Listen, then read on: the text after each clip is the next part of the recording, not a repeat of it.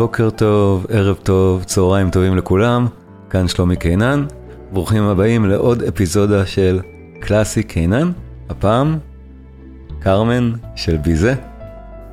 תענוג באמת, אני חושב שאין אדם שלא אוהב את זה.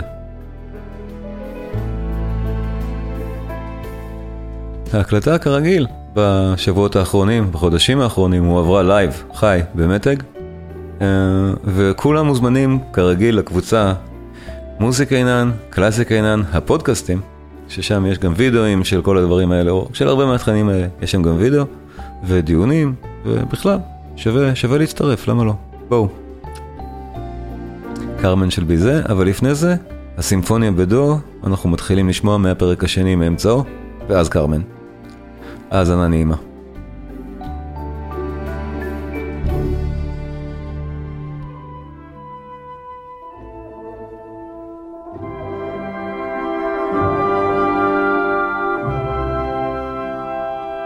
מרדכי כותב, ניגנתי באהוב, וזה היה בין הקטעים שאהבתי ביותר לנגן, מודקה. זה, תקשיב, זה, אני קודם כל מסיר את הכובע, אה, ואני לא מנגן על הכלי, אבל אני יכול לדמיין מדוע. אז אתה יכול להעיד עד כמה הסימפוניה הזאת היא, היא חיונית ברפרטואר היום, וזה לא יאומן שהיא לא ידעו על קיומה עד, עד שנות ה-30. זה פשוט רק בצרפת יכול לקרות. וזה באמת עניין צרפתי. למה בזה לא ילחין סימפוניות? באמת למה? הוא מעולה בזה.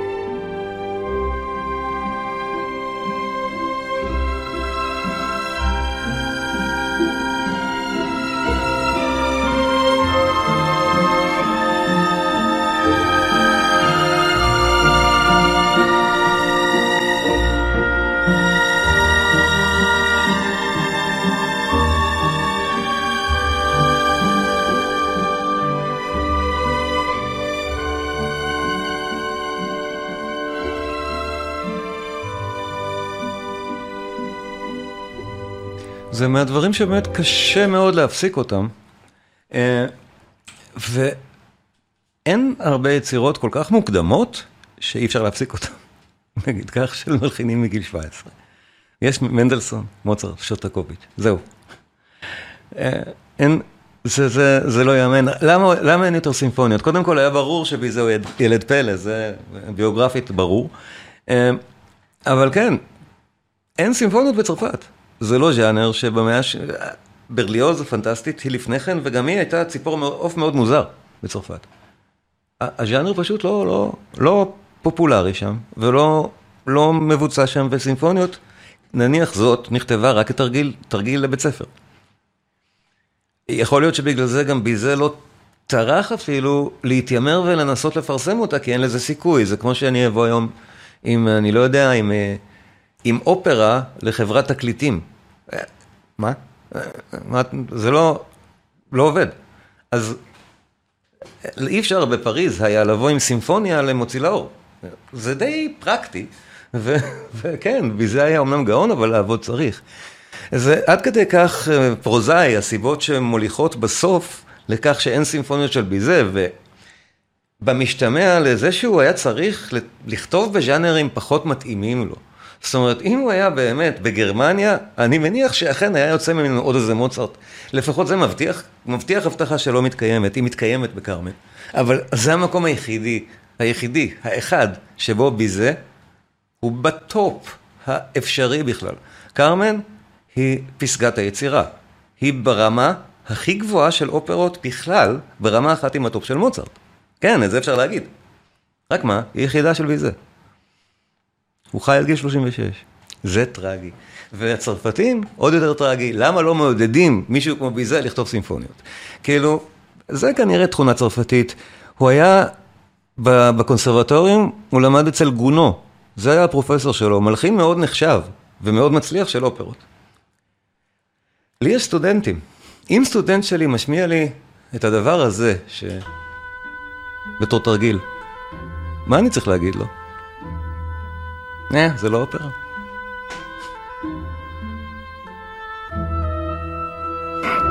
לא. זה כנראה מה שקרה. זאת אומרת, בסיפור הזה, גונו זה הסליירי, כן? ההוא שכנראה מקנא נורא בכישרון הזה. גם כשביזה מת בטרם עת, גונו נשא, נשא עליו כמובן את, ה, את הדרשה, כן. זה, כל הפרטים האלה, גם חלקם, חלקם קצת מפוקפקים, כי אה, מותו של ביזה, תכף נדבר על זה, נגיע לקרמן, אני רוצה לשמוע עוד קצת מוזיקה. אה, אבל, אבל כן, הסיפור הוא טרגי במובן הזה. אבל הרבה מזה גם היא אשמתו של ביזה, שלקח על עצמו הרבה יותר מדי. אנחנו תכף נראה, גם.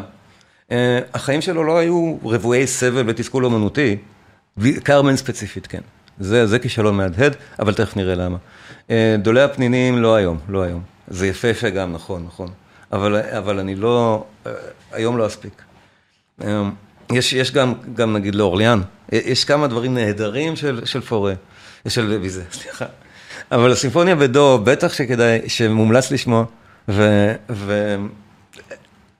ומתוכה אני רוצה להשמיע עוד טיפונת, רק את הפרק האחרון הנפלא, שהוא קצרצר, הוא יפהפה, ורק עוד, עוד פעם, סימן קריאה גדול, כמה חבל שבצרפת האווירה האומנותית לא אפשרה לכתוב סימפוניות.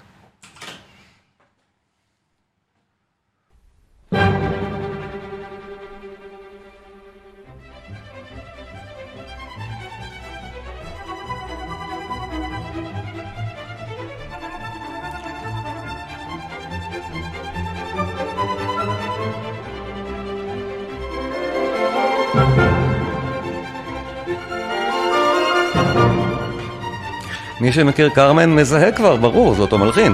אבל גם מי שאוהב מוצרט, או שוברט, יותר ספציפי, מזהה את זה גם.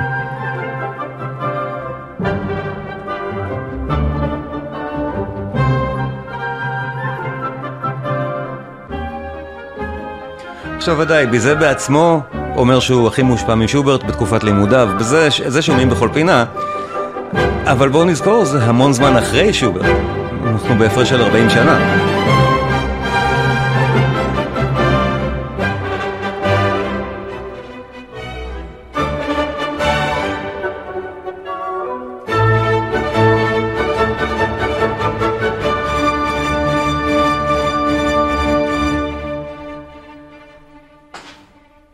נושא שני, כל הנושאים, הראשון השני בכל הפרקים האלה, גם בקרמן, אחד אחרי השני, הם פשוט אוסף לעיתים.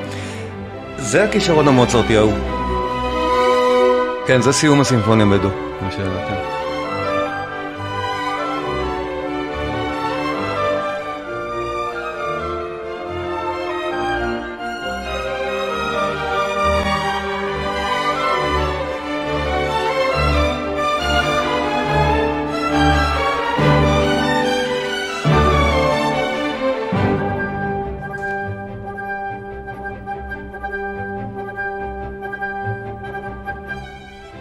מה שיש בקרמן ואין כאן, כל היצירות של ביזה, בואו נזכור, הוא נפטר בגיל 36, זה נורא צעיר, קרמן היא יצירה מגיל 35 שלו.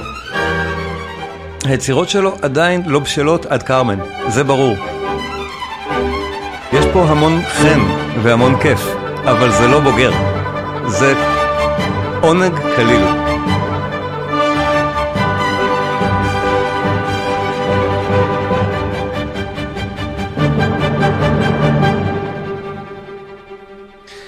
עכשיו, באופן מוזר, מי שמכיר פרוקופייב, ואני יודע שיש פה כמה שאוהבים פרוקופייב, כי יונה דיבר איתי על הסימפוניה הראשונה של פרוקופייב בפעם הקודמת, תחשוב על הפינאלה של הסימפוניה הראשונה של פרוקופייב, שאתה שומע את זה, כמה זה דומה.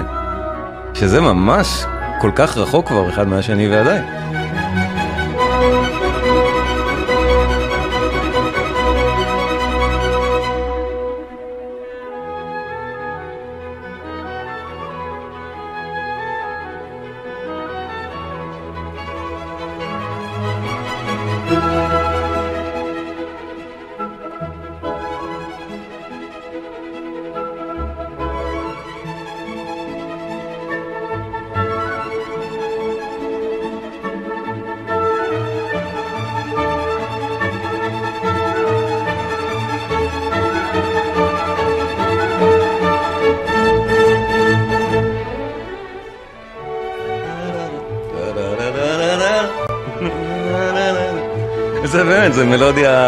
כאן עדיין שוברטית, אבל, אבל אחרי זה זה נהיה מלודיה ביזה. יפה כל כך.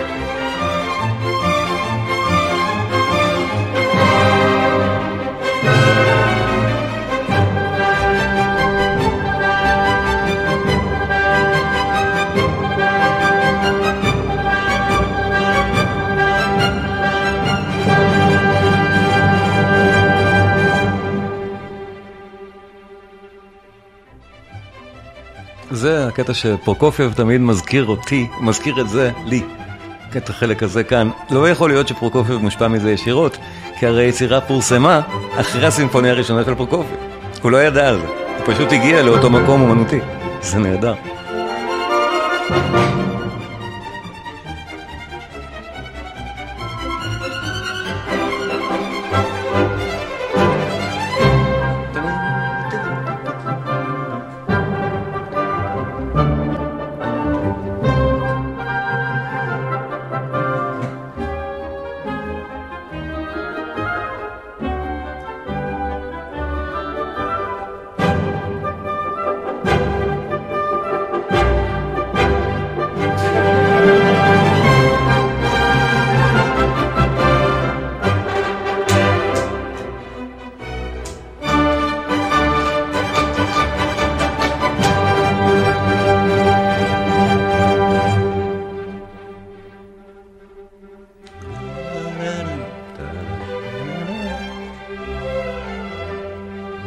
עכשיו, שמישהו באמת ינסה להסביר לי מי הקהל, איך אפשר להשאיר יצירה כזאת במגירה?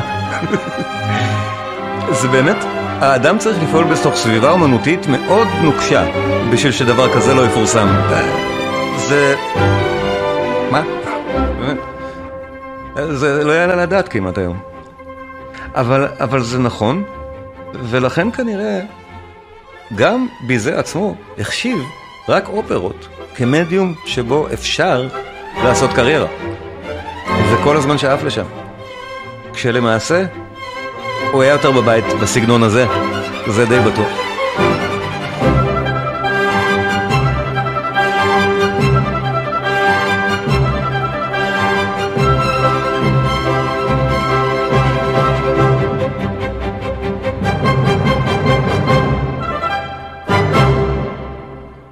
הסיבה שקרמן היא היצירה הכל כך בעייתית שהרגה אותו. באמת ככה, אם יש מלחין שיצירה הרגה אותו, זה לא מוצרט הרקבים שלו הרג אותו, זה, זה בזה קרמן הרגה אותו. שברון הלב בעקבות הכישלון. הוא כנראה נפטר מהתקפת לב. הוא גם היה מעשן כבד, זו אנקדוטה מעניינת, תכף נראה למה, אבל, אבל כנראה לא היה בריא גם ככה מעשן, ו... דלקת ריאות ובעקבותיה התקפת לב, אה, שזה קרה שלושה חודשים אחרי הכישלון הקולוסלי של העלאת קרמן על הבמה בפריז. אה, הכישלון שבר אותו, שבר את האיש, ואז שלושה חודשים אחר כך כנראה מצבו התערער עד שהוא מת, בפריז היו בטוחים שהוא התאבד. זאת אומרת, עד כדי כך הכישלון היה מהדהד, שהעיתונים כתבו שבזה התאבד. לא, לא שהיו התקפת לב. שאלו למה אני מתכוון, סביבה אמנותית נוקשה. דיברתי על זה בהתחלה, אין סימפוניות בצרפת, למשל. אין, אין למה לכתוב סימפוניות. זה נוקשה. כן. אין למי לפרסם אותם, אין כאלה, כן. שברון לב, זה, זה מה שאני חושב. עכשיו, הנקודה שבאמת זה סיפור טרגי, והסיפור הטרגי המאוד נוראי הזה, עמוס בכל כך הרבה מיתוסים, כמו, כמו מוצרט. כי, כי כשקורה דבר כזה, באמת שמלחין עם יצירת מופת, נכשל, ונפטר מיד אחר כך, זה מיד מייצר את כל האגדתיות שאפשר להעלות על הדעת מסביב לאותה סיטואציה של המלחין בתוך יצירתו, זה ברור. עכשיו, במקרה הזה, ראייה אובייקטיבית מראה שביזה עשה טעויות בדרך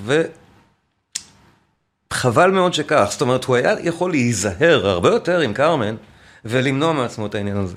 עכשיו, אה, בואו נראה, והניתוח שלי של קרמן, שהוא באמת קצר, אין דרך להכניס את קרמן, ב... גם אם לא הייתי נוגע בסימפוניה בדו, ואני מניח שאהבנו אותה, זה בסדר שנגעתי בה.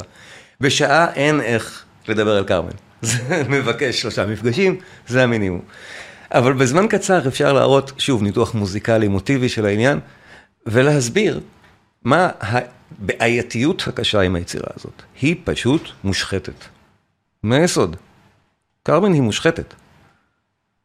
בכל מובן. גם היום היא מושחתת. אנקדוטה. אה, יש דוברי צרפתית בקהל? אל תענו. יש מי שמכיר את קרמן בקהל? אל תענו. רק ישראלים, או מי שאיננו דובר צרפתית, שיענה על מה המוזיקה הזאת, מה המוזיקה הזאת מתארת. פשוט, מה לדעתו המוזיקה מדברת עליה, יש, זה, אפשרים את זה, יש פה שיר.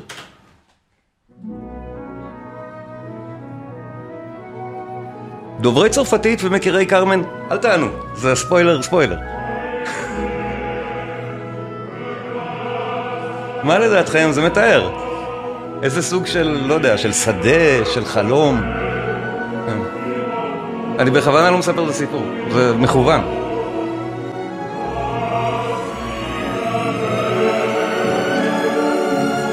כמה שזה יפה.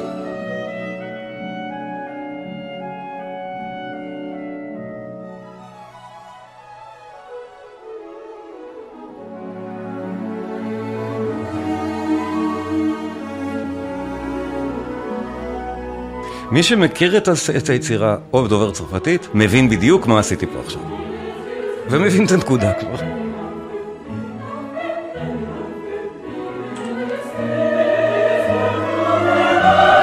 אז הדבר המקסים הזה, בין מקסים, על מה הוא, חברים? מה אתם אומרים? סתם אימפרשן. אוקיי, בואו נראה על מה הטקסט מדבר. אני שוב, אני אם לא הייתי יודע כלום, ובאמת שהאזנתי לקרמן לפני ש... אני מודה, לפני שטרחתי לקרוא את הטקסט, כי פשוט זו מוזיקה שהיא מדהימה ביופייה בעיניי, מאז שאני, מאז שאני צ... ילד, באמת ככה. מאז שאני בן לא יודע, שמונה, אז לא קראתי את הטקסט. אז האימפרשן שלי, ההתרשמות שלי מזה, הייתה משהו שהוא לגמרי אחר ממה שהשיר הזה אומר. ומה שהשיר אומר, אנחנו לא רוצים אף אחד שיקשיב לו היום בטלוויזיה. אף אחד, אוי סליחה, מבטיח לכם. אנחנו נפסול אותו לשידור, פשוט ככה. חד וחלק, לא בגלל שהוא מדבר על סקס, אלא בגלל שהוא לא מוסרי בעליל.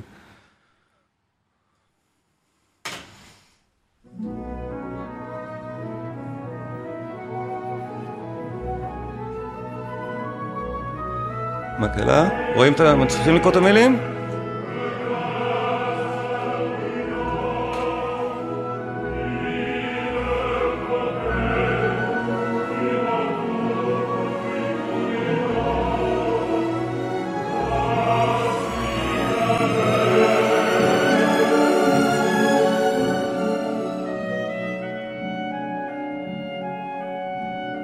מבינים לאן זה הולך? זה לא שיר הפרח. זה עד כמה הסיגריה היא נפלאה,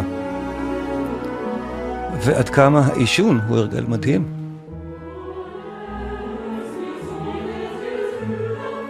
זה נהדר. כל התשובות היפיפיות האלה, בואו נעשן. מה יותר חתרני מזה? עד היום. זהו. אין, אין יותר חתרנות גדולה מזאת. איך, מה הקהל אמור לחשוב כשהוא שומע את זה בצרפת? בלי שום הכנה.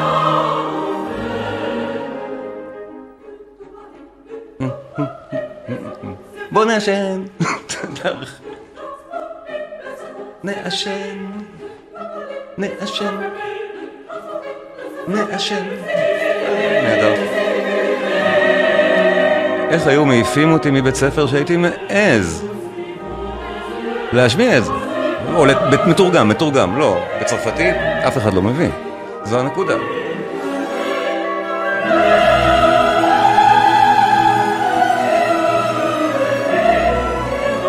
ותראו כמה הסיגריות טובות לכל דבר. ובזה בעצמו היה מעשן כבד, ובטח התווכח עם כולם שזה גם הרגל טוב, נכון? אני בטח גם חשב ככה בעצמו ועורר ויכוח. היה סקנדל עם זה בפריז, תחשוב שלא, עם הסיגריות. אה, כן, אז לשים את עצמנו רגע בפריז של 1875, שזה מה ש... מה שהמלחין הגאון, אך המאוד שובב הזה נותן לנו. כי הוא חושב הרי שהוא מוצרט. הוא עושה פה את ההפוך על הפוך הכי יפה, והוא באמת מוזיקלית, עם כישורים שהם די, די מזכירים את מוצרט, אבל אין לו את העדינות להבין שהוא עבר פה את כל הגבולות. אה, אה, מוצרט, האירוניה שלו היא כל כך, אני יודע, נהדרת, אבל מעודנת. וזה אה, מלחין רצח על הבמה, פשוט רצח. זאת אומרת, אנחנו בדרך כלל חושבים שהאווירה הייתה פוריטנית בפריז, ולכן פוריטנית, ולכן לא התאים להם הצועניה בעלת החופש המיני, לא. זה לא הפוריטניות של הפריזאים דווקא. אבל שיר שמשבח את העישון ומהלל אותו, ש, שלוקח חבורות של פושעים ולוקחי פרוטקשן ועושה מהם את, ה, את האנשים, המת, את הגיבורים. ובסוף, כל, כל המוסר השכל זה שההוא רוצח אותה. הדבר הזה הוא לא מוסרי בעליל בשום, בשום, בשום נקודה בהיסטוריה. אנחנו מאוד אוהבים את זה מנקודת ראותנו המודרנית, כי זה בדיוק האמנות שאנחנו אוהבים במאה ה-20. מאה ה-19 סיפור אחר, ובצרפת הבינו את המילים, מה שבאמת יצר את הדבר הנורא המעניין. ביזה נפטר באמת מסוג של שברון לב, בלי לדעת עד כמה האופרה הזאת עתידה בשנה הבאה להצליח בכל העולם. מי שלא יודע צרפתית, וקורא את העלילה, ולא מבין את הטקסט הספציפי של השיר, המוזיקה היא אלוהית, זה מוצרט. וכך המסר החתרני מאוד של ביזה וקרמן, וזה חתרני לכל האורך, באמת חתרני עד היום. מי שמקשיב לאופרה הזאת באוזניים פתוחות, מבין שזה מסר אה, חתרני. זהו, מה שראינו כאן. לא משנה, המוזיקה כובשת והיא נפלאה, ובואו נראה, אני אראה בהתחלה את אותה חתרנות בשביל פשוט להסיר את זה, על מנת שאחרי זה נוכל ליהנות מהמוזיקה. כי זה כבר קורה מההתחלה, זאת אומרת, מה שעושה את זה כל כך חתרני, זה בדיוק מה שמוצרט היה עושה. אם המוזיקה לא הייתה כל כך מדהימה פה, וכל כך uh, מפתה ויפה, ו- ואומרת לנו את ה... לא יודע, אני את המרחבים הפתוחים, הניגוד עם הסיגריות לא היה כל כך גדול. המלחין חייב להיות, להצליח להעביר את זה בשביל לתת את הניגוד. והפתיחה המפורסמת מאוד של קרמן היא בדיוק אותו דבר. הדבר הכי שמח בעולם, אבל לא, זה המאניה דיפרסיה, זה המאניה. זה מטורף. זאת טרגדיה.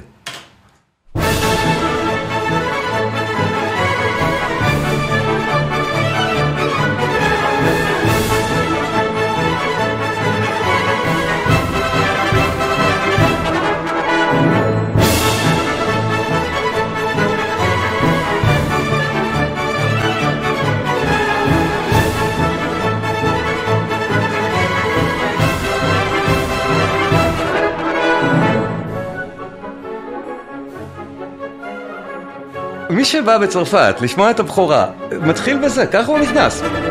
מה הציפייה? הציפייה היא למשהו באמת, לא שנגמר ברצח, כאילו, לא, לא, זה אופרה קומית.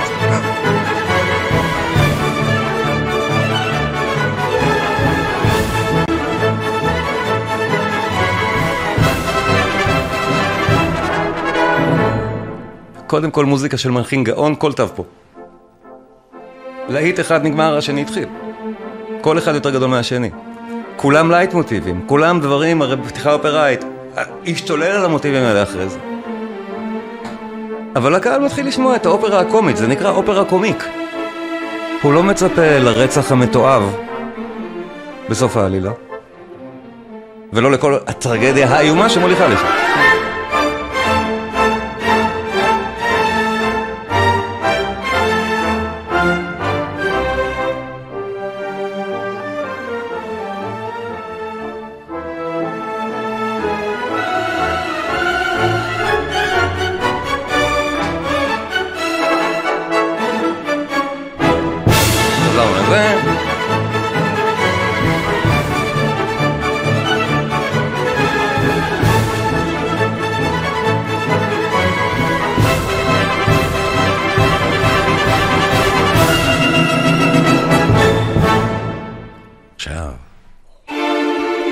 אוקיי, עכשיו זה מתחיל להיות מעט אפל.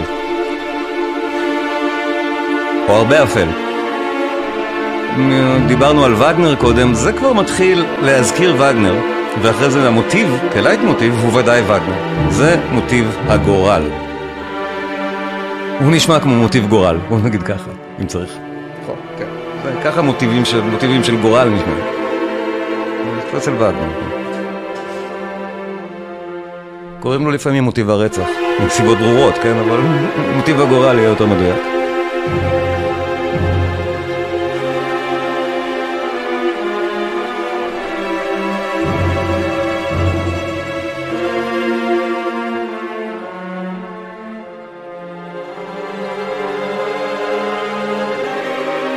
כוחו של גורל, דרמה עוצמתית, זה מאוד נכון, עכשיו אנחנו מתחילים אולי להבין למה היצירה הייתה כל כך קשה, למרות שהמוזיקה כל כך קלה. זאת אומרת, זו הסתירה האינהרנטית בסיפור הזה. כל קטע פה הוא להיט, למה זה נכשל? בדיוק זה.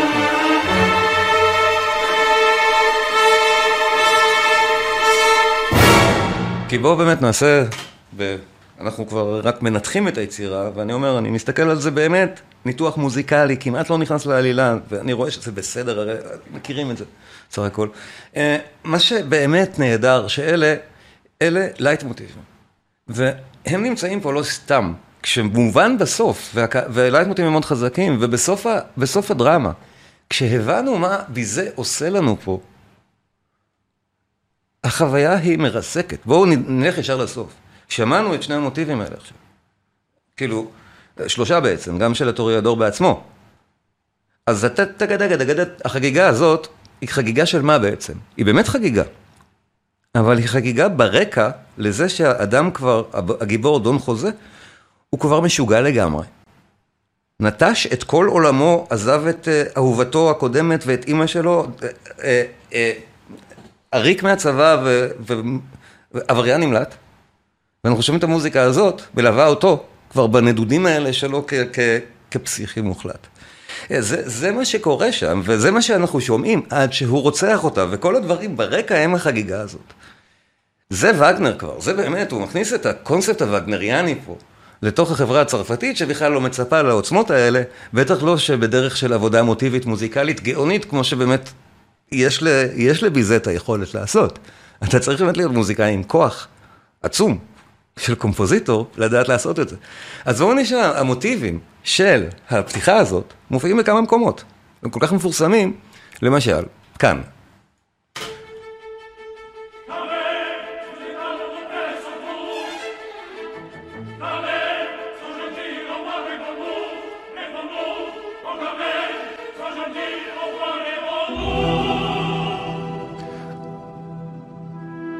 מוטיב הגורל בפעם הראשונה שקרמן נכנסת לבמה, אנחנו שומעים אותו. ומעכשיו הוא ילווה את הדרמה, תמיד שיש אירוע מכונן. אנחנו מזהים את זה מאותה פתיחה, זה מאוד מפורסם.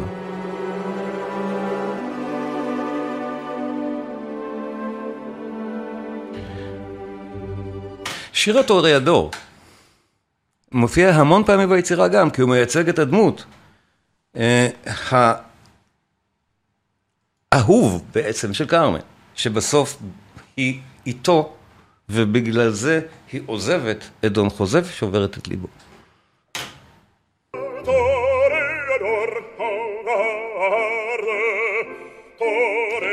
שוב, הדמות של הטוריאדור, אף אחד לא חיובי בסיפור הזה. גם לא הוא.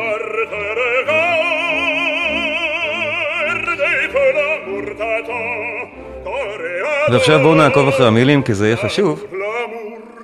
לקטעים הכי אירוניים של הסוף, של באמת של הפינאלה, או שני חלקים ממנו, של אה, קודם כל השיר של הילדים. ילדים משחקים פה תפקיד די חשוב באופרה, נשמע אחר כך קטעים של הילדים, אבל אה, זה, השמחה במוזיקה והדרמה הנוראית מאחוריה במילים, או בהתרחשות הבימתית. בואו נשמע את זה רגע. כאן התרגום בימין, זה משמאל.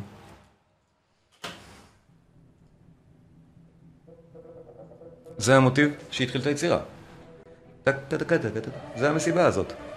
פעם ראשונה מושרת, קודם לא היה על זה שירה. בפתיחה זה היה פשוט מוזיקה.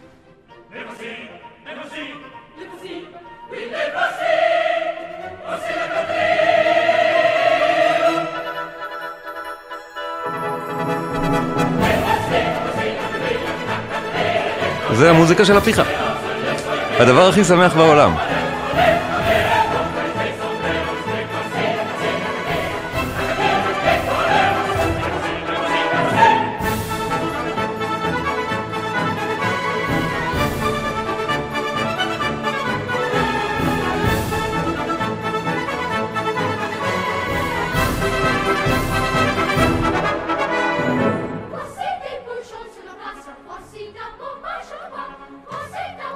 זה לייט מוטיב מאוד מאוד חזק כשהוא מוצג ככה.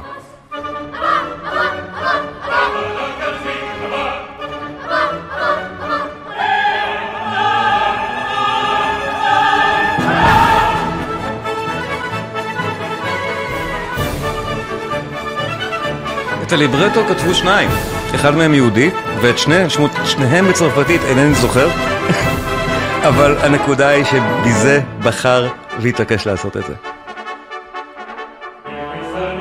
זה גם, בזה לא נגמרות לו המלודיות.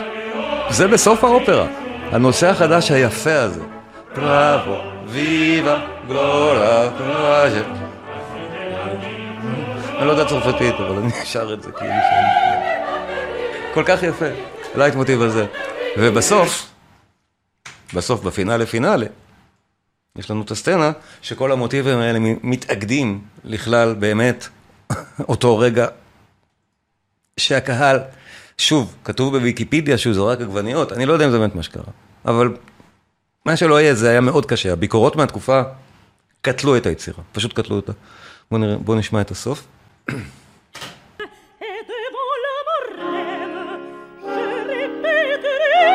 אנחנו כאן. היא אוהבת את אסקמיליו, לא, תראו לכם השברים. הם בינתיים שרים את השיר השמח הזה. כי אסקמיליו רולפם השברים ניצח. מוטיב הרצח.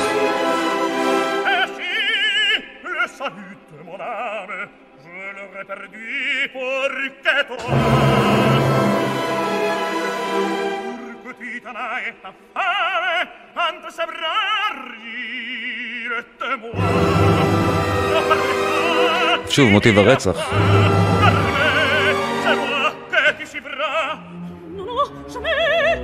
זה ממש וגנר.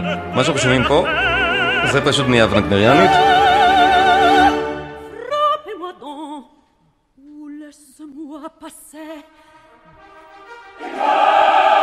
שוב, המוטיבים האלה. הטוריאדור, אסקמיליו פשוט לועג לחוזה, או שהמלחין לועג לחוזה.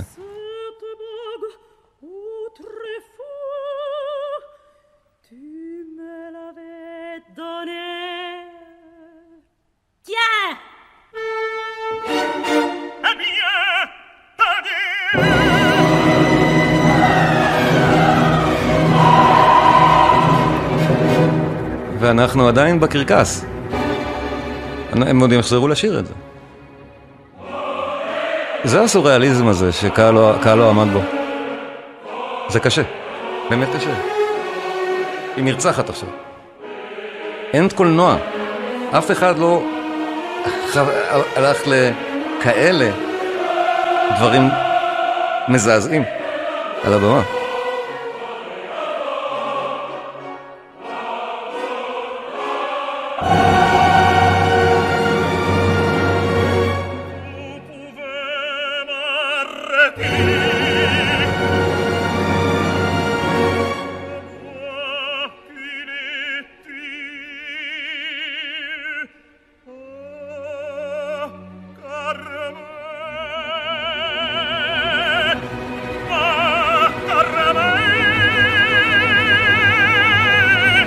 דוקר אותה בליבה. כן. אה, התפקיד של קרמן הוא למצו סופרן, אבל אל תגידו את זה לזמרות סופרן.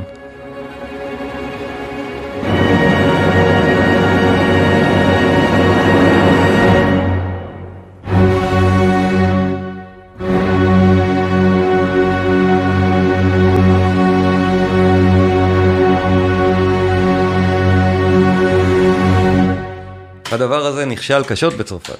ובזה הלך, עבר את הגבול במודע. הוא רצה כל כך להצליח, שהוא עשה פרובוקציה מכוונת, וזה, וזה חזר אליו כמו בומרנג. עכשיו, הקטע הבאמת מדהים, זה שהמוזיקה חזקה הרבה יותר מזה. ולכן חבל מאוד שהוא, לדעתי, שהוא חש... שזה התוכן שהוא בחר לעסוק בו ביצירה המשמעותית הגדולה הראשונה שלו, והוא גם התעקש. אה, מי שהזמינו את היצירה, אופרה קומיק בפריז, אה, ראו את הליברטו, ומנהל מנהל המשרד ביקש, ביקש אה, הפאבלישר לא, של האופרה קומיק שם, ביקש לרדת מזה. זאת אומרת, הוא, הוא ממש לא הסכים, עד, ש, עד שהוא פרש, ורק אז, בזה החזיר את הפרויקט. הוא היה ממש פעיל בעניין שלו, הוא חשב שזה יהיה נכון, למרות שהוא הוזהר, ממש הוזהר, שלא. אה, אז במובן הזה, מובן שהוא שגה במיידי, כי זה הרג אותו. היה מחכה עוד שנה, הוא היה יוצא המלחין הכי גדול בעולם.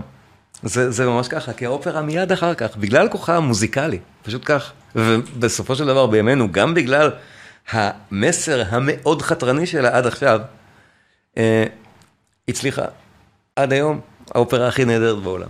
אני עדיין רוצה להשמיע כמה קטעים מהמוזיקה הנהדרת של האופרה. יש לנו מעט זמן, אז נשמע כמה, כמה קטעים נבחרים שהראשון שווה, ונשמע שני ביצועים שלו. הקטע הכי ידוע, אני חושב, באופרה בכלל, אני לא יודע אם אני צריך אפילו להראות את המילים. אני אראה אותו.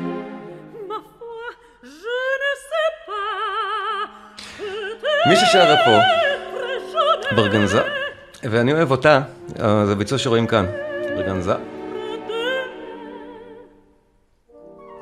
ואני משמיע את ההקלטה הזאת בגלל שהיא באמת עושה את זה מאוד מעודן. אחרי זה נשמע את מריה קאלאס. כמה זה שונה. עכשיו, בגלל שאני מדבר על המוזיקה, אני רוצה שהשירה תהיה מעודנת. אבל אם היינו מדברים עכשיו על, ה... על הדיבה האופראית, זו מאוד, מאוד מעודנת. המנצח פה, קלודיו אבדו, אני פשוט מאוד אוהב איך שהמוזיקה נשמעת מעבר לסולנים. וגם, היא נהדרת, בוודאי שפלסידו דומינגו גם בסדר. הבנרה, היא נקראת כך, אה, פשוט בגלל המקצב שלה, היא נקראת אחרת כאריה אופראית. אין קטע יותר ידוע מזה ברפרטואר. וזה פשוט גאון פר אקסלנס, אחד מהגאונים הגדולים. להלחין את זה. טענות שזה נלקח משירם אה, או מלחין ספרדי הן פשוט לא נכונות. מחקר מודרני מוכיח שזה סתם היה ללכלך על ביזה. ביזה לא היה מעולם בספרד. כל הסגנון הספרדי שיש בקרמן, זה מה שהוא חשב שספרד אמור להישמע. אז כן, יש פה המון מאפיינים חיצוניים, קסטנייטות, סולמות שמאפיינים את האזור, אבל שום דבר שהוא אותנטי. והוא אמר בעצמו, אני לא רוצה, לא עניין אותי לנסוע, לא עניין אותי לנסוע לספרד. העלילה מתרחשת שם. לכן אימצתי מאפיינים כמו קסטנייטות וקצב.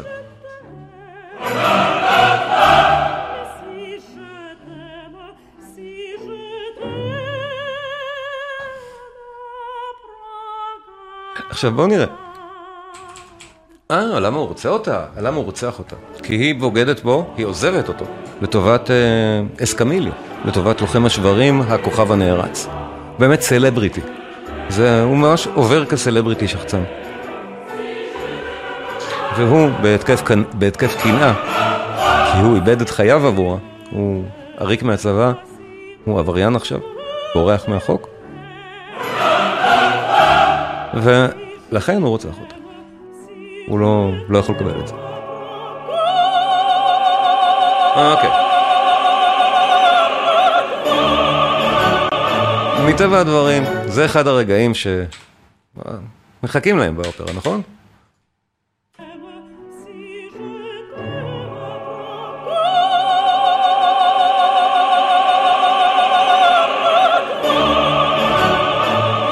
כן. בואו נשמע את קאלאס. מהרגע הזה עד הסוף.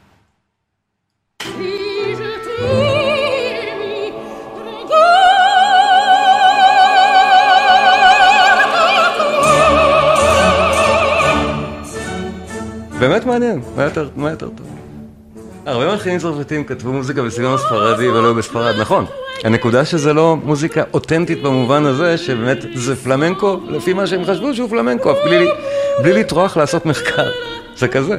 נשמע להם הסולמות האלה והסוג הזה של הקצב עם קסטנייטות. זה ממש ככה.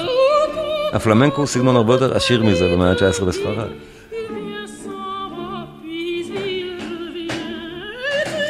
קנאה זה שם המשחק, כנראה גם בחייו של ביזה, שהביקורות הקשות שהוא קיבל מלמשל גונו, נבעו כנראה מקנאה. סנסנס אגב, פרגן לו תמיד, ומאוד. זה מתרחש בסביליה, נכון. ולכן העלילה מלווה בספרדיות.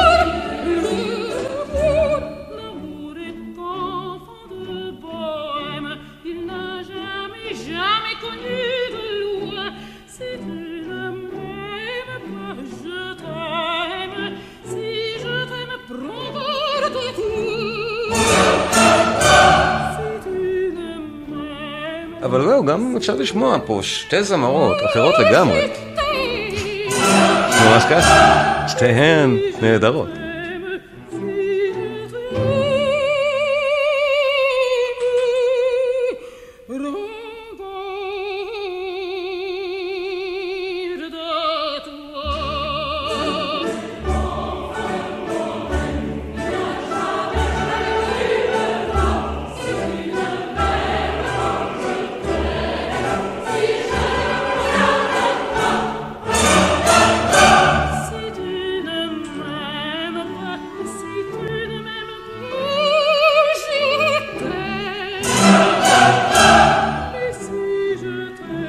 כן, זו קאלאס. זו קאלאס, וקודם, וקודם שמענו את uh, ברגנזה. ברגנזה.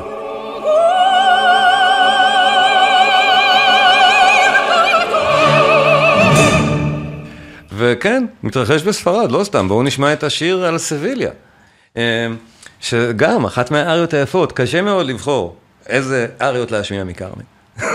זה כל איפה שפוגעים הוא נהדר. אבל, אבל אני חושב שאלה באמת הידועות שבהן.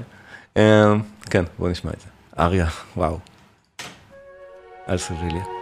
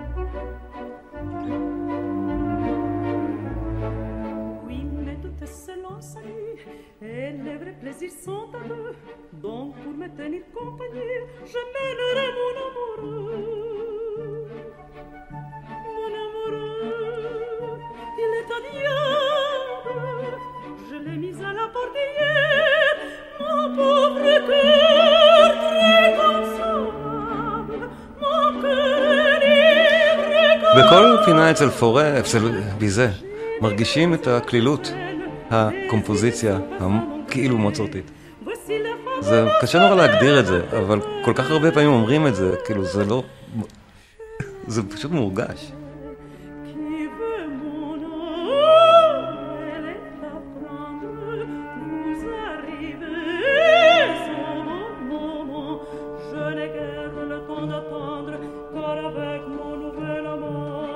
זה לא, זה לא סקוביליה, זה סביליה, זה מקום בספרד. הבנרה זה ריקוד ספרדי, והקטע לא נקרא הבנרה, הוא מכונה הבנרה.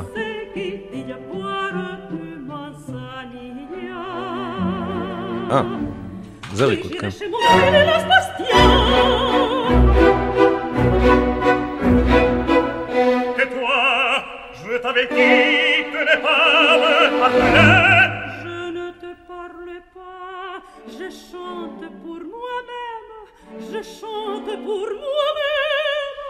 הנה, קרמן הפמיניסטית.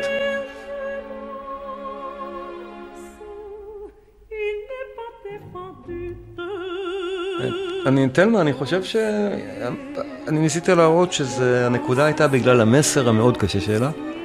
בגלל שלמשל שירים שמשבחים עישון לא היו מקובלים לא אז ולא היום, בכלל, על במה מכובדת, מה שנכון. ושרצח על הבמה היה נחשב מעשה מאוד לא מוסרי עד היום. וכל העניין הוא נטול שיפוט מסרי, פשוט ככה. אין פה שום מוסר. באמת, אפשר לעקוב אחרי כל העלילה. זה באמת יצירה מודרנית במובן הזה. הניגודים האלה בין המוזיקה לבין, לבין הליברטו הם, הם יצרו ספרות ענפה שמנתחת את זה, בטח, זה מדהים. ולכן זה ברמה לדעתי, רמה אחת עם האופרות של מוצרט. זו יצירה מאוד מאוד מורכבת, מרתקת ומומלצת להאזנה, ברור.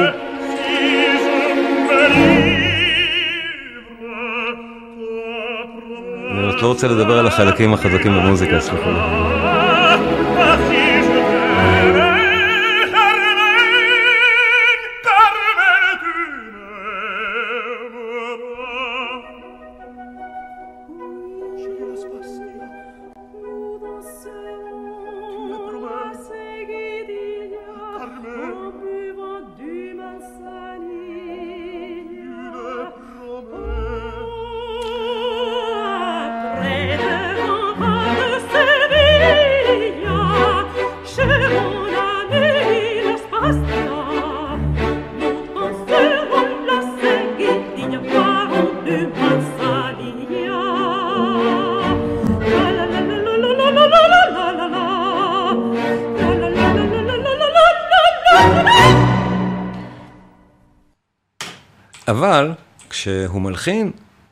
ופה הבגרות שדיברתי שלא הייתה לביזה קודם, ולמוצרט תמיד הייתה.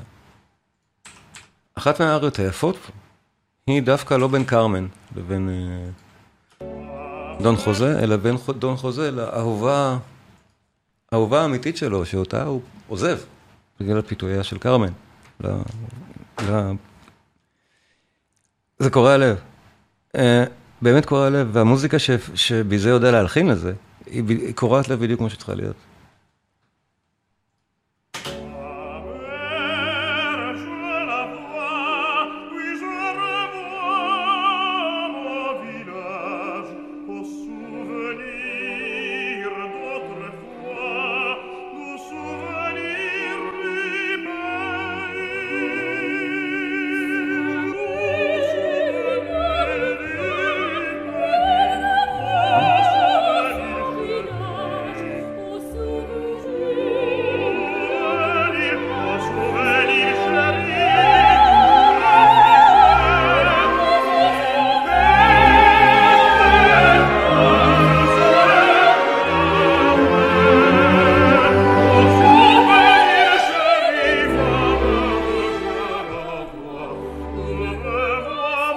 תורגמה לכל השפות, בוודאי. אני חושב שגם לעברית, אני לא בטוח שנהוג לשיר את זה בשפות אחרות האמת, כי קהלים של ימינו הם די סנובים. אבל זה באמת מוזיקה נהדרת שמתאימה ל... לזה. מתאימה לדמויות האלה ולרגשות שלהם.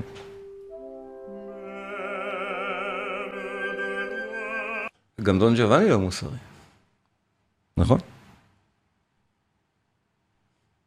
מוצרט ידע להיזהר. אה, עיון עמוק, באמת, אני חושב שניסיתי לעבור על הדברים האלה. היצירה הזאת היא מוצרט מוגזם מאוד. הוא העיז פה הרבה יותר מדי. אה, אני רוצה אבל באמת להתקדם, כי אנחנו באמת כמעט לפני סיום, והקטע שכולם מחכים לו, אני חושב. כי לעיתים הם לעיתים. והאופרה באמת, שוב, אם ביזה היה שורד את השנה, בין בכורת האופרה בפריז, עד ההצלחה הבינלאומית הענקית שהייתה לעונה אחר כך, הוא היה כנראה פורח ומצליח ולא נפטר משברון לב. והוא בסך הכל בן 36 פה. כמה דברים מדהימים הוא היה כותב. פה הוא כנראה עוד בכלל לא בשיאו. הוא היה מגיע. בואו בוא, בוא נשמע ה... בואו בוא נשמע את הקטע שכולנו חיכינו לו. אה, בעצם לפני זה. אני, אני רוצה לבכות עוד קצת על, על, על ביזה, ולהיזכר בפורה. הנה. ביזה הוא מעט לפני פורה, פורה מקשיב לו, מושפע ממנו. הפתיחה של המערכה השלישית. אני לא חושב שזה מפורסם, אבל זה ככה יפה. ואם הייתי שואל מי זה, הייתם אומרים לי פורה. זה לא מוצרט, זה פורה.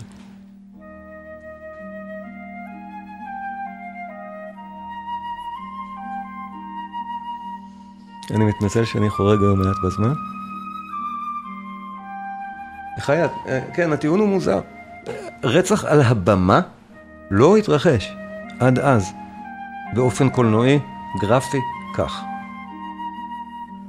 עכשיו, אה, הבעיה שלהם בצרפת, ברור היום שלא הייתה הפריצות המינית, אלא המשמעות החברתית הניכרת כאן. המעמד המאוד נמוך של העבריינים שחיים בשולי החברה, המעשנים, ושוב, הסצנה של העישון היא לא היחידה, אני פשוט הבאתי אותה כדוגמה מאוד אירונית למה עד היום, אם היה עולה על במה, היה נפסל כאן. וגם שם. זה לא אהבו את זה, וטבעי שלא יאהבו את זה. אחר כך, כשזה מצליח בכל רחבי העולם וחוזר לצרפת, והסיבה שזה הצליח בכל רחבי העולם, בואו נכיר בזה שהם לא הבינו את כל המילים. זה לא אצולה, זה אנשים שלא יודעים צרפתית, קונים כרטיסים, כי זה כבר העם רואה אופרה. מבין את הסינופסיס, קורא רק את העלילה באופן כללי ולא את הדברים הספציפיים. שומע את המוזיקה, מתעלם מהמסר החברתי הנוקב מאוד והקשה עד היום הזה, שהרצח, הרצח הזה הוא הרצח הכי נורא בתולדות האופרה. באמת? אפשר לראות את כל העלילה הזאת?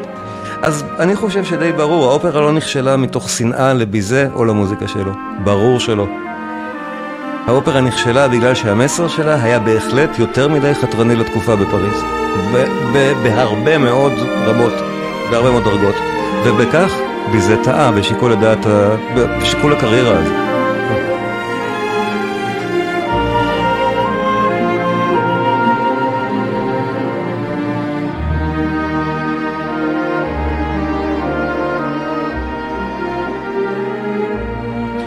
עכשיו, יש רגליים לסברה, למשל, שאם זאת הייתה אופרה אחת אחרי ההצלחה הגדולה של ביזה, ומעמדו כבר היה מבוסס, היו מתייחסים לזה אחרת לגמרי. זה גם ברור. זאת אומרת, הוא עוד לא אומן מצליח, הוא לפני זה כתב להיט אחד. או היה הבטחה ענקית. אבל לא, זה נורא ואיום בתקופה, עובדה. עכשיו אה, בואו לסיום, מה שחיכינו לו, הלהיט הכי גדול, השני, חוץ מהבנרה, הלהיט הכי גדול מקרמן, ולכן ברפרטואר האופראי כולו, הפסטיש הספרדי, לא באמת ספרדי.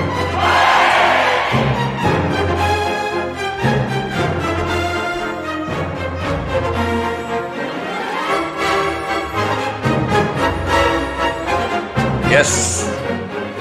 איזה להיט! וזו לא מוזיקה שמלווה רצח, לא אצל שייקספיר, לא בשום מקום. זה מלווה רצח, זה מודרני, סלחו לי. זה לגמרי קונספט מודרני.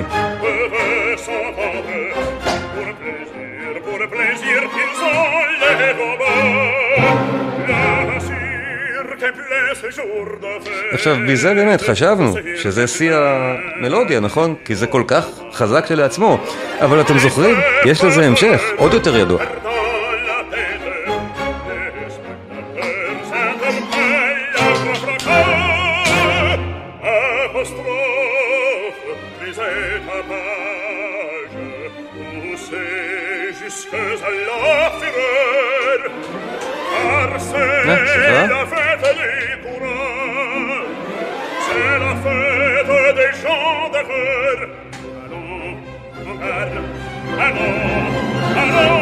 ו... יס, הגענו.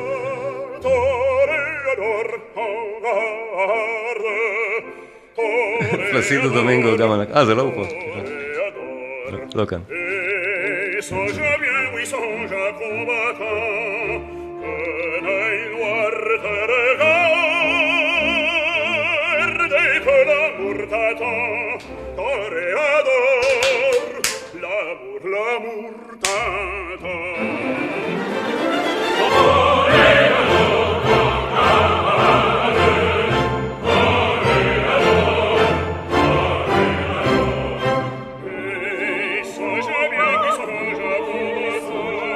זה שיר ניצחון, נכון, לכן שמענו בסוף את הדבר הזה כאילו באמת לועג לדון חוזה. פשוט מלגלג עליו עד שהוא רוצח את קרמן.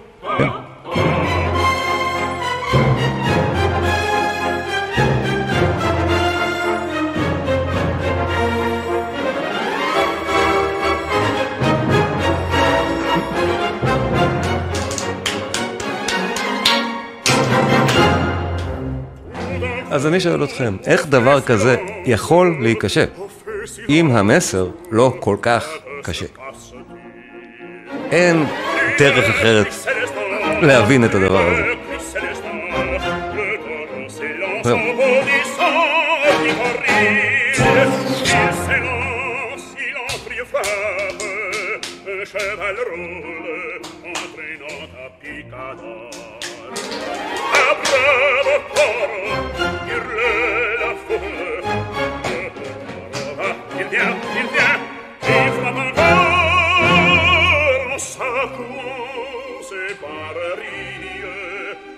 אני חושב שהבנו את המילים, והקטע הזה הוא באמת מהידועים בתולדות האופרה. ובאמת לצערי, אני צריך לסיים, כי קרמן היא אופרה שלמה, והיום זה מפגש אחד. האם תרצו עוד אחד על קרמן? תענו לי בצ'אט, כי בטח שאפשר להרחיב בנושא.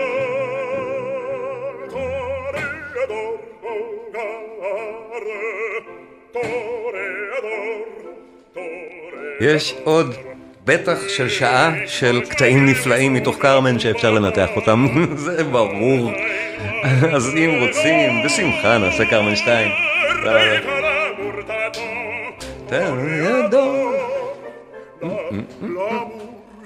הצביעות הצרפתית, גם לי יש רושם שזה העניין, האמת כן. אני, באמת יש לי חשד שבמקרה של ביזה זה הצביעות הצרפתית האופיינית, הסיבות שהוא נכשל קשורות גם לזה.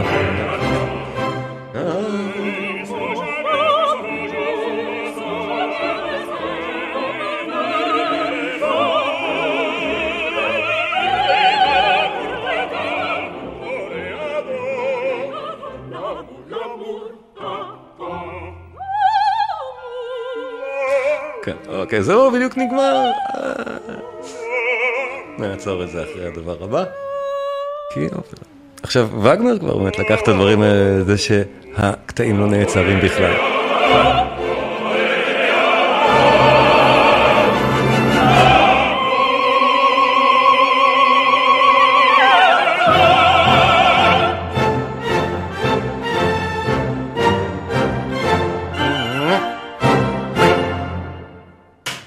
תודה רבה.